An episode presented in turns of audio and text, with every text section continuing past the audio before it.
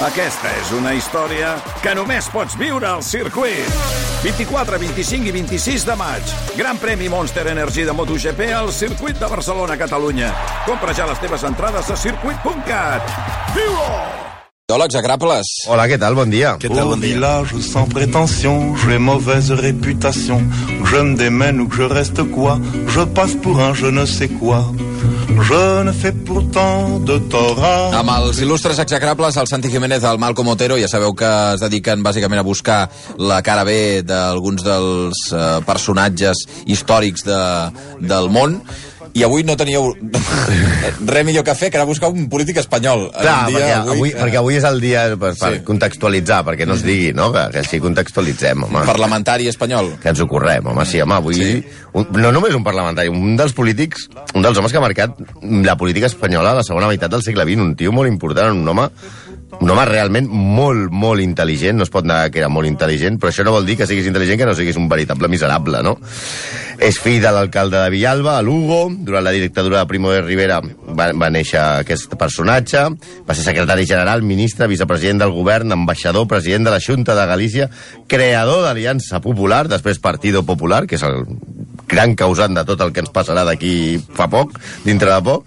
Un dels pares de la Constitució, que també està molt de moda, i que té totes les condecoracions i medalles possibles d'Espanya i l'estranger.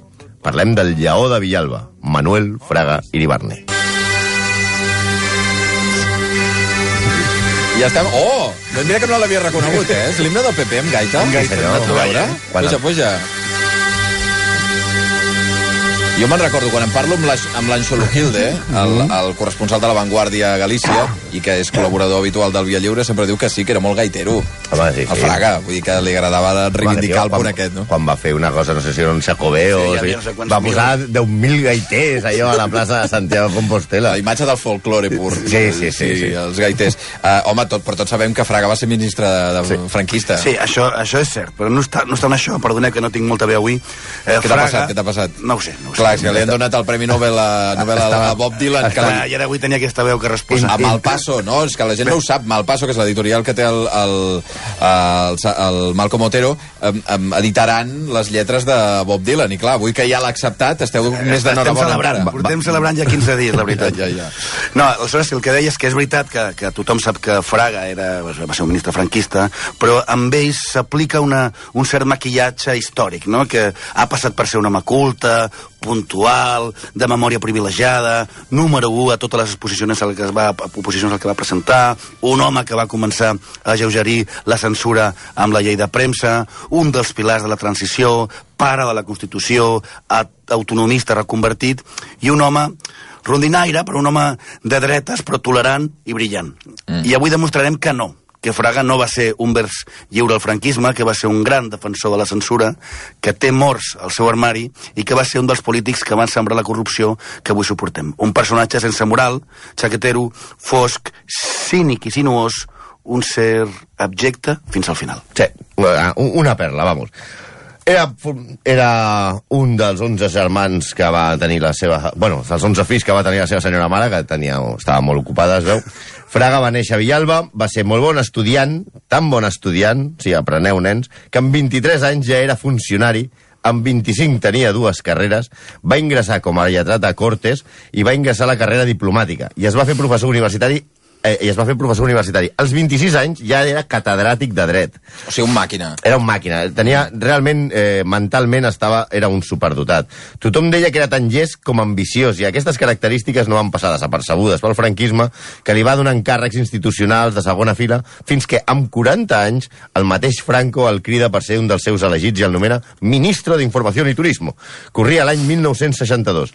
Eh, just eh, quan Espanya començava a destacar com un país de vacances barates, que és el que continua sent, i entraven les divises dels turistes.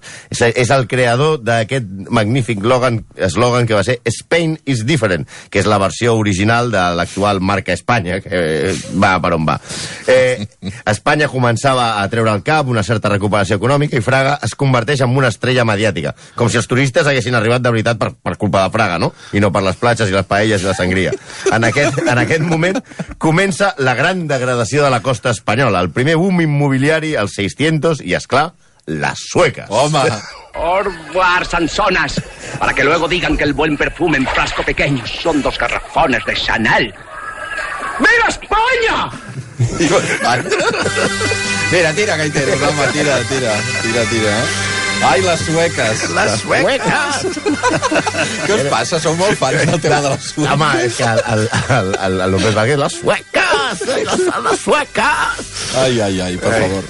Sí, és en aquesta època, en l'any 66, quan es produeix un dels esdeveniments que semblen còmics, però que són definitivament tràgics. Parlem de Palomares, Almeria. Allà dos avions nord-americans pateixen un accident, un d'ells, un, B- un B-52, portava càrrega nuclear. En plena Guerra Freda, i amb Espanya com a focus del, turístic del sud d'Europa, Sí. els Estats Units i el govern franquista van decidir negar la contaminació nuclear i per demostrar-ho, Manuel Fraga i l'ambaixador americà es van banyar així com l'orzas al viento a la platja de Palonares. L'Orzas al viento, perquè és aquesta expressió. És que la, la foto és tremenda, eh? La- Sí, ja ho sé, que és tremenda. La però- platja es deia, que això és una, és una premonició, quita pellejos. Sí, la cara B d'aquesta història de, de, de Palomares és que 21 dels 40 militars americans que van participar en, la, en les tasques de recuperació Sí. van patir càncer i molts van morir de la malaltia. Més això- de la meitat? Més de la meitat. Que bèstia. També li va passar a l'equip espanyol, perquè era una, un equip de rescat mixta, uh Mhm. -huh. que van haver-hi també en l'equip, a la part espanyola nombroses baixes i malalties. Per més crueltat, encara, els espanyols els hi van prometre que no passava res i no els van donar ni un vestit especial. Un dels guàrdies civils, que va emmalaltir però que va sobreviure, explica encara que no entenien per què els americans anaven vestits com apicultors. Perquè ens entenguin els de l'ESO, són els senyors aquests que van vestits com estallido a la pel·lícula de Dustin Hoffman, eh? Diu, i, oh, però que realment són els que recullen la mel de les abelles. Sí. Eh, la conclusió és que quan més arxius es desclassifiquen, més evidències hi ha de la mentida i de la manipulació. O sigui que en aquell moment el, diu que els guàrdies civils el, veien els equips de Tu veies a desintoxicació... la platja que anaven els americans vestits de Dustin Hoffman estallido i els de Guàrdia Civil amb el tricornio i el, i el, i el, i el Zedme allà i, i, esto, i els hi van dir aquí no passa nada, eh? O sea, Ja, ja, ja. Tira, tira, tira. Tranquil·la. Eh, eh, com a mostra, mira, el 1986 gairebé un terç de la població de la zona de Palomares, Almeria, té traces de plutoni a l'organisme. Que bèstia. Sí, 20 anys després. En aquest mateix any gloriós per a Fraga surt la famosa Llei de Premsa e Impremta. Aquesta llei ha passat a la història com l'avançala de la llibertat de premsa que va permetre publicacions fora del paraigua de la premsa del glorioso Movimiento Nacional. Mm. I això és gairebé com tot el que toca al nostre home d'avui, una mitja veritat o una mentida versemblant.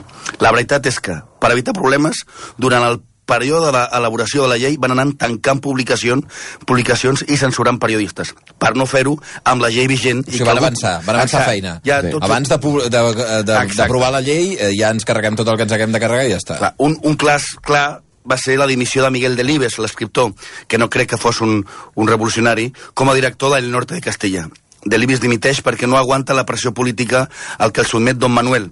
Ja amb la llei en marxa, el govern franquista va segrestar el diari d'Esquerra Radical, com tot, tothom sap, ABC, per un article monàrquic de- del també anarquista d'ultraesquerra Luis María Anson, o Luis María e Hijo. En que, fi, que es noti la ironia, evidentment. Home, Anson és un perro flauta, eh? Sí, sí. Per Fraga, imagina't com era Fraga. És- En fi, clar, la veritat és que col·locar a Manuel Fraga com el valedor de la obertura de premsa és com mantenir que el PP és el partit que lluita amb més força contra la corrupció. Sí, mira, per, perquè us feu una idea de com entenia la premsa Fraga, tenim el cas lamentable i tràgic d'Enrique Ruano, que era un estudiant i militant d'un grup antifranquista, l'FLP, que el 1969 va ser detingut per la policia i portat a un habitatge, suposadament per practicar-li un registre. Mm. Allà el van torturar i el van acabar llançant al carrer des d'un setè pis. El cas va crear una gran commoció i Fraga, després d'amenaçar personalment a la família de Ruano, dient-li textualment, segons explica la seva germana, ja ha muerto un estudiante, no querrá que mueran más, va orquestrar amb el periodista i policia Alfredo Semprún una campanya al diari ABC en la que es defensava i s'aportaven proves falses de que Ruano s'havia suïcidat. Per fer-ho, van falsejar el diari que escrivia eh, Ruano i, i li van atribuir frases amb tendències suïcides. Vull dir, la teoria de, de Pedro J i l'àcid bòric a l'11M és periodisme contrastat al costat del que practicava Manuel Fraga. Sí, un altre, un altre dels moments de gran sensibilitat de Fraga va ser quan als anys 60 li va arribar la, la petició, el primer, l'any 60 o així, li va, el 62, li va arribar la petició de Luis Cernuda per acudir des de Mèxic, on estava exiliat, a l'enterrament de la de seva l'ESO, germana. Luis Cernuda és un poeta espanyol que vivia exiliat a Mèxic. Que m'heu Sí, de de posar el- per l'ESO. Sí, sí. I, Se us faran grans, els de l'ESO, també Ja. t'ho dic, eh? Sí, bueno, a Home, la- fins que canviïn la llei. Exacte, llavors Els de la una cosa. Haurem de canviar, sí. No, aleshores, Luis Ternuda era a Mèxic exiliat i volia venir l'enterrament de la seva germana. Per cert, que a a internet trobareu que era la seva mare, però la seva mare ja havia mort l'any 28. Doncs bé, permís no concedit. Que se quede donde está. Ya tenemos bastantes maricones en España. Això és el que va dir, Sí. Fraga? Sí, sí, per no parlar d'un altre fet que, és, que va anomenar polloses a les dones dels miners de la conca del Nalón, Astúries. A aquestes dones els hi van afaitar el cap i les van passejar humiliades i colpejades pels carrers. Un tros de pa aquest fraga, eh?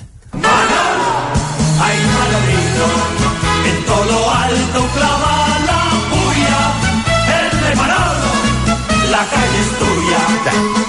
Avui és el segon cop que punxem uh, música de la trinca, ja, eh? Ja. Ja t'ho dic, abans el Xavi Puig, a quarts de vuit del matí, ja, ja n'ha punxat una, del, la del Far West. Sí, mira, i la, de, i, la de, i la setmana passada van posar la dels camions a, a la frontera de França. Sí, sí.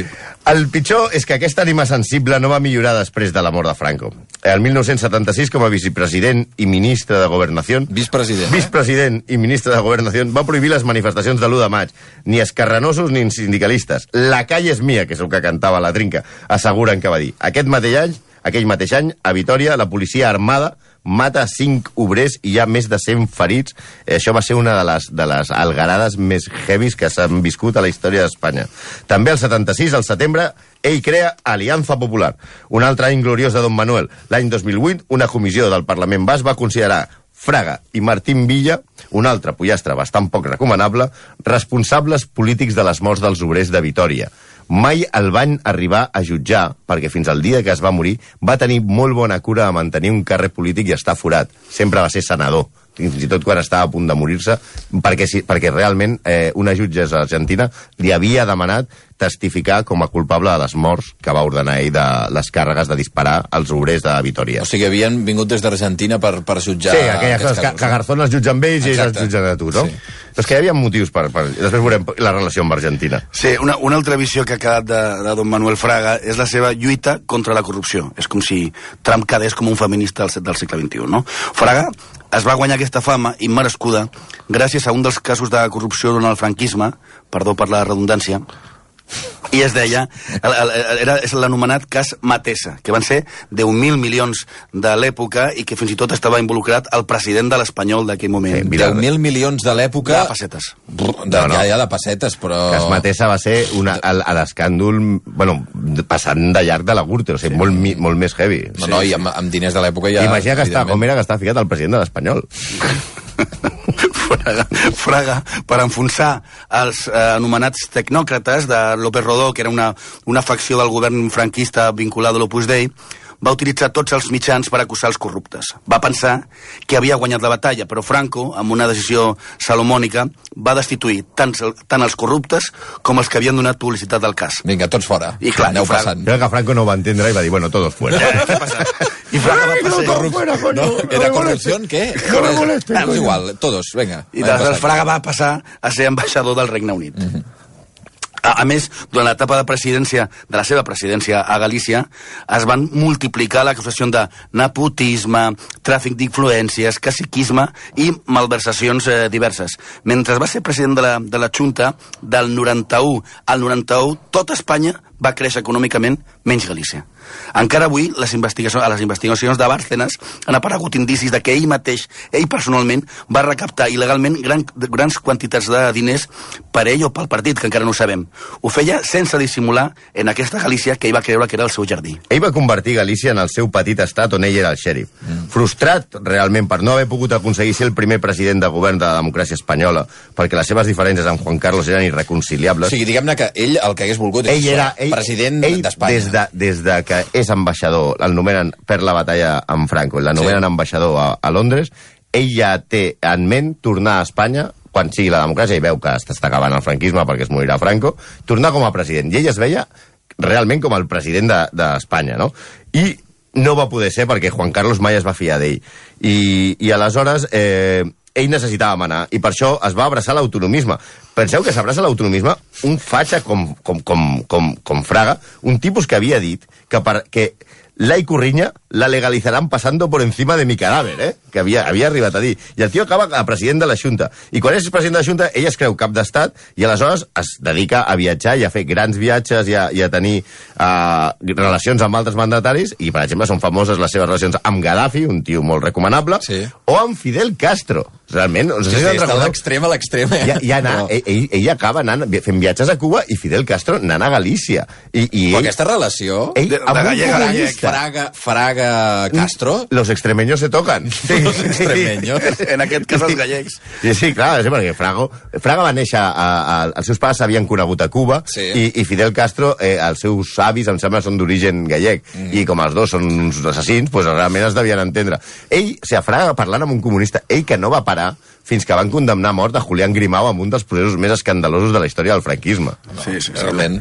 La veritat és que, que Juan Carlos no el pogués veure no era estrany. Fa poc la CIA va desclarificar documents dels anys 70 de la seva ambaixada a Londres, on hi ha informes de que Fraga conversa amb Henry Kissinger, que, que, que, va, que va, el Fraga aleshores va dir que, que el príncep, que aleshores que s'ha de dir Juan Carlos, com un boy scout, i no per la seva afició posterior d'anar a, a caçar a Àfrica. Eh?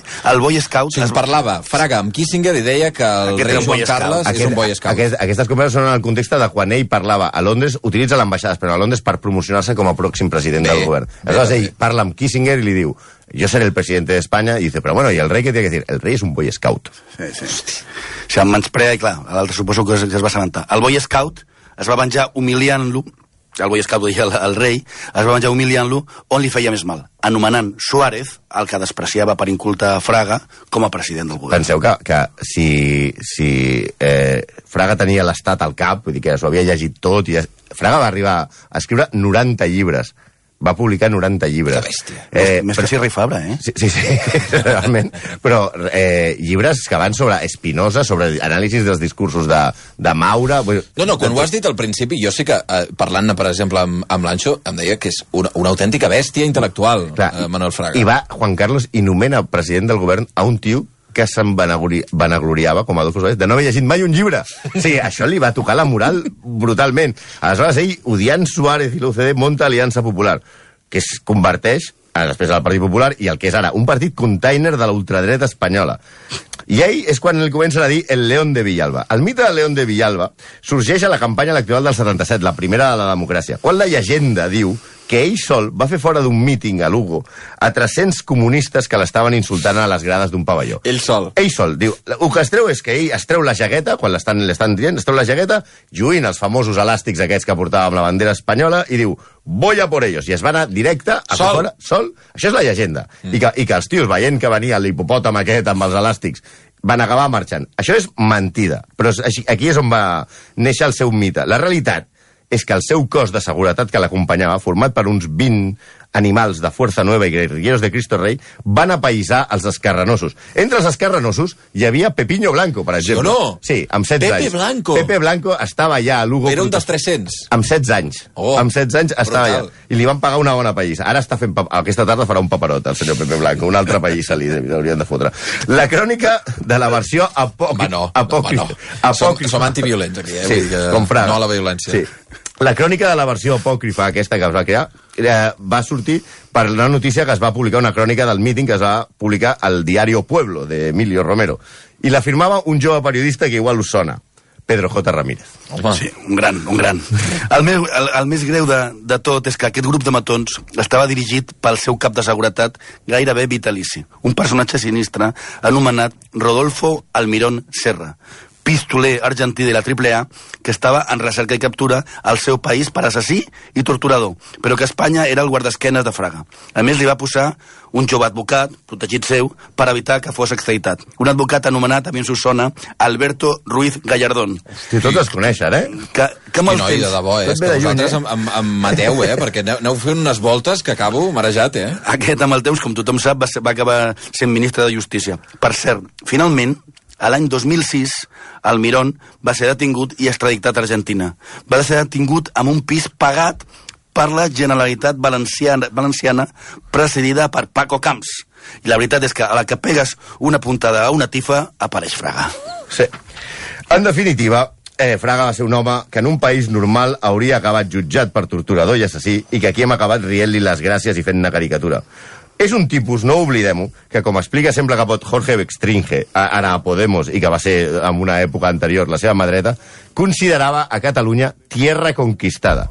Y es el autor de la frase Cataluña fue ocupada por Felipe IV, fue ocupada por Felipe V, que la venció, bombardeada por el general Espartero, que era un general revolucionario, y la ocupamos en el 39 y estamos dispuestos a coger de nuevo el fusil, por consiguiente ya saben a qué atenerse. Aquí tengo el mosquetón para volverlo a utilizar. Això sí, li agradava de Catalunya li agradaven molt les sardanes, perquè com va dir en una entrevista a Lluís Amiguet de la Vanguardia, me gustan las sardanas y odio a los Rolling Stones. Què té a veure una cosa amb Pues l'altra? sé, és que li va preguntar a l'amiguet Me encanten les sardanes, me gustan i odio los Rolling i Stones. odio a los Rolling Stones. De, de. Perquè els Rolling Stones es veu que també tenien, més o menys, deuen ser de la mateixa edat, no? Ja, ja, que- ah, ja, ja, pot ser, pot ser. No són més grans els Rolling. Eh, per tota la gent que vulgui una miqueta més d'informació, teniu alguns llibres que s'haurien de Hi ha llegir? un llibre molt interessant de l'Eduardo Martín de Pozuelo, que Sí, és home. col·laborador aquí, que és diu, Vanguardia, Los sí. secretos del franquismo, en el qual parla de tots els documents aquests descat descatalogats de la Sí. CIA i les converses de, de Kissinger amb Fraga, en el qual fins i tot explica que Fraga va estar disposat a subornar a subornar a Franco perquè deixés el, perquè abdiqué, perquè deixés el govern. Sí. Hi ha uns, un, allò que diu, la, las conversaciones con Franco y su familia para que deje, cuando ella está muy mal, están pendientes de la compensación económica que pide la familia para dejar el gobierno. També hi ha una, hi ha una història de transició de, Mar, de Joan Martí i Josep Ramoneda. Mm. També, si sempre que vulgueu alguna cosa del franquisme, els llibres de Pere Isàs, l'anatomia del franquismo, de la supervivencia de l'harmonia, eh, Pere Isàs i Carmen Molinero han escrit milions de llibres magnífics. La dictadura de Franco, de Borja Riquer, o també una cosa més divertida podria ser el de María Antonia Iglesias, Cuerpo a Cuerpo, cómo piensan los políticos españoles. Si teniu temps insomni, podeu llegir els 90 llibres escrits per Fraga, també. També, També. també, 90, eh? 90, sí, sí. Hosti, I a més a més treballant, se suposa, eh? A part d'això, a part d'escriure. Uh, un minut i arribarem a les 11 del matí. Senyors, moltes gràcies. Eh? A vosaltres. Vosaltres. Fins la setmana que ve. Tout le monde viendra me voir pendu, sauf les aveugles, bien entendu.